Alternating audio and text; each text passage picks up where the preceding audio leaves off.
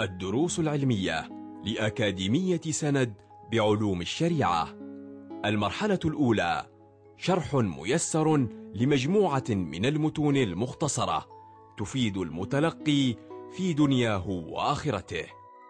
مقرر السنة النبوية شرح كتاب قطوف الفالحين مع الشيخ علوي العيدروس. بسم الله الرحمن الرحيم. الحمد لله رب العالمين. ونصلي ونسلم على سيدنا محمد إمام المهتدين وسيد المتقين وقائد الغر المحجلين إلى جنات النعيم. اللهم صل وسلم وبارك وكرم وعظم على سيدنا ومولانا محمد وعلى آل سيدنا مولانا محمد. كلما ذكرك وذكره الذاكرون وغفل عن ذكرك وذكره الغافلون وعلى آله وصحبه ومن تبعهم بإحسان إلى يوم الدين. أهلا وسهلا بكم في درس جديد. من دروس قطوف الفالحين مختصر رياض الصالحين. توقفنا عند الحديث الثاني والسبعين وهو عن ابن عمر وعائشة رضي الله عنهما قال قال رسول الله صلى الله عليه وآله وصحبه وسلم ما زال جبريل يوصيني بالجار حتى ظننت أنه سيورثه. متفق عليه. راوي الحديث هو الصحابي الجليل عبد الله بن عمر بن الخطاب. وقد تقدمت ترجمته في الحديث الثالث والخمسين. وكذلك أم المؤمنين الطاهرة العفيفة سيدتنا عائشة ابنة الصديق أبي بكر الصديق رضي الله عنهما. وقد تقدمت كذلك ترجمتها في الحديث الثالث والثلاثين. يقول صلى الله عليه وآله وصحبه وسلم ما زال جبريل أي لا يزال جبريل ولفظة جبريل اسم سرياني. قيل معناه عبد الرحمن وقيل معناه عبد الله قال ما زال جبريل يوصيني بالجار أي بالاعتناء به والاحتفال بشأنه.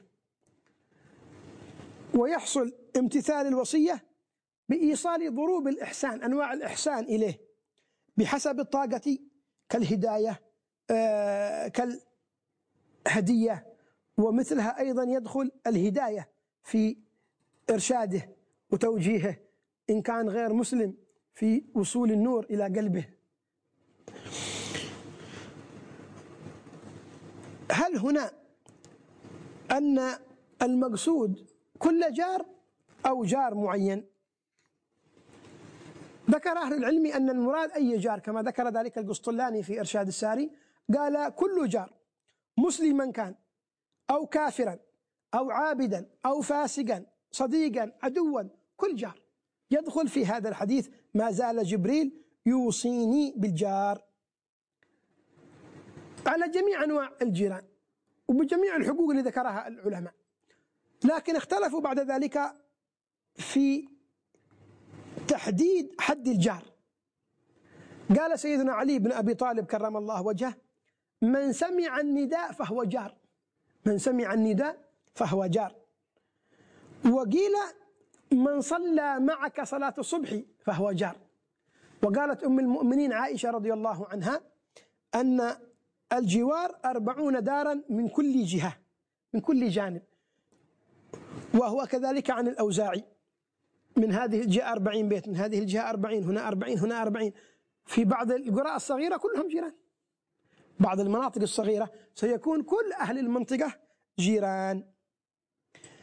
قال ما زال جبريل يوصيني بالجار بالاهتمام به والاعتناء به وتأدية واجبه حتى أي أنه لما أكثر علي من الوصية بالمحافظة على الجار ورعاية حقه ظننت أنه سيورثه أي سيحكم له بتوريث سيحكم بتوريث الجار. أنه سيقول من الورثة الجار أن الجار يرث جاره. قال من كثرة ما يوصيني بالجار. حتى ظننت أنه سيقول أن للجار نصيب من الإرث. كما أن للإبن وللأخ وللأب وللأم نصيب من الإرث. للجار كذلك نصيب من الإرث. قال حتى ظننت أنه سيورثه. قال بعضهم معنى التوريث أن يجعل له مشاركة في المال بفرض سهم معطاك غيره. وقال بعضهم أنه ينزل منزلة من يرث ك بالبر والصلة بالبر والصلة.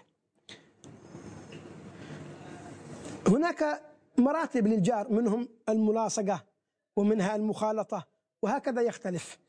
ويستفاد من الحديث عظيم حق الجار واهتمام الإسلام بأمره. الإسلام اهتم بأمر الجار. يستفاد كذلك أنه ينبغي للمؤمن أن يتفقد جيرانه وأن يوصلهم بمعنى يواصلهم بما يستطيع بما يستطيع. كذلك إنزال الجار منزلة الرحم كأنه من أرحامه تعامل معه بشيء من المحبة والعطف. الحديث الثالث والسبعون. عن أبي ذر رضي الله عنه قال قال رسول الله صلى الله عليه وآله وصحبه وسلم يا أبا ذر إذا طبخت مرقة فأكثر ماءها وتعاهد جيرانك. راوي الحديث سيدنا أبو ذر الغفاري تقدمت ترجمته في الحديث العشرين. الحديث لا يزال النبي يتكلم عن الجار وعن فضل الجار والاعتناء بالجار. فهو يخاطب صلى الله عليه وعلى آله وسلم هذا في هذا الحديث الصحابي الجليل أبا ذر. قال يا أبا ذر إذا طبخت مرقة. والمرقة هي الماء الذي طبخ فيه اللحم ونحوه.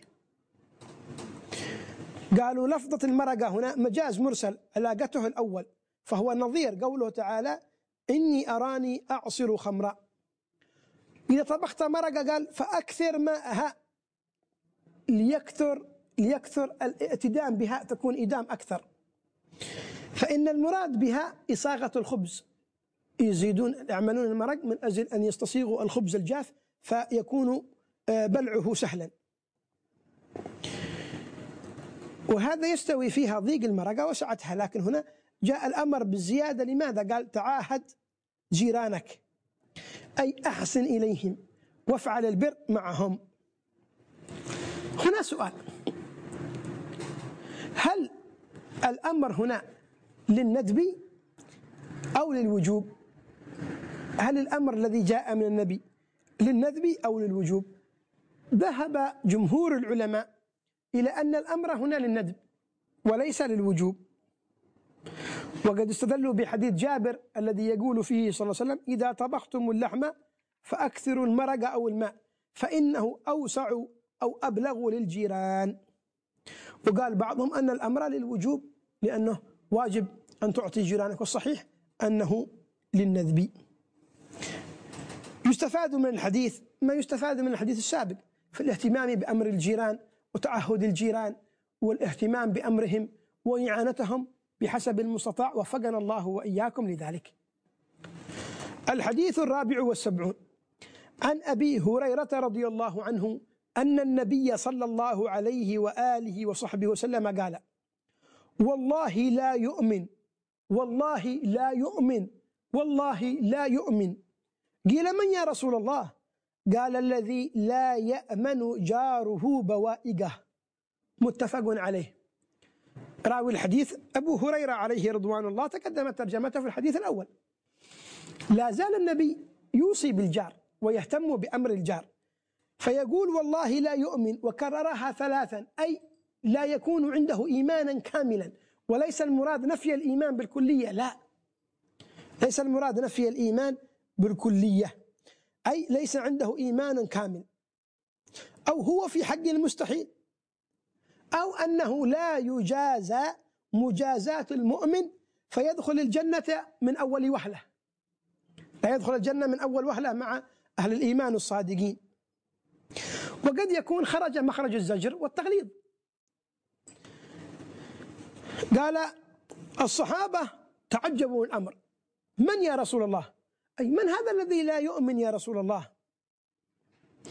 في رواية ذكرها المنذري في ترغيبه أنه بلفظ قالوا يا رسول الله لقد خاب وخسر من هو؟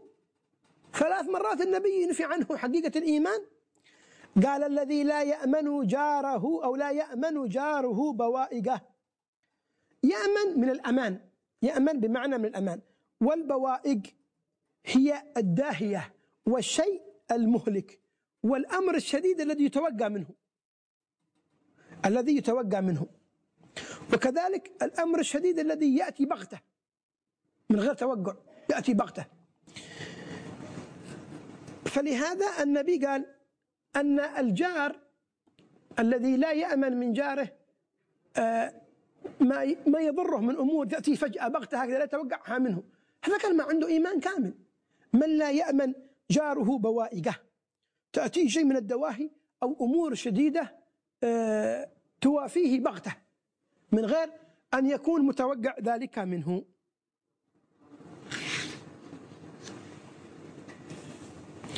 يستفاد من الحديث حق الجار وعظيم حق الجار وما مر في الأحاديث الماضية من الاهتمام بأمر الجار والقيام بالواجب الذي علينا تجاهه والسؤال عنه دائما.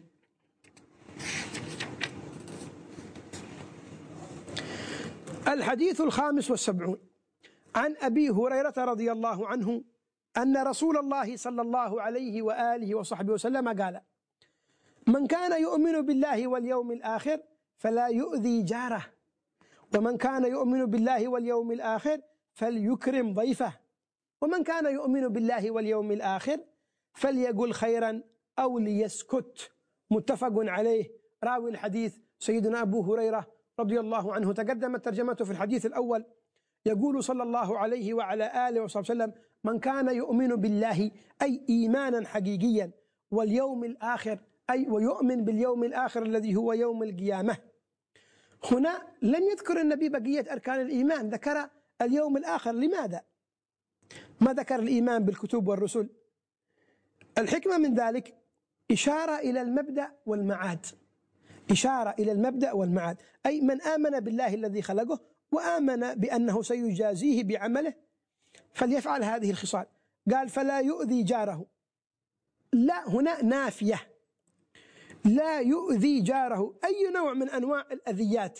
بلسانه بفعله لا يؤذي جاره. فإن كان يؤذي جاره فليس عنده إيمان كامل.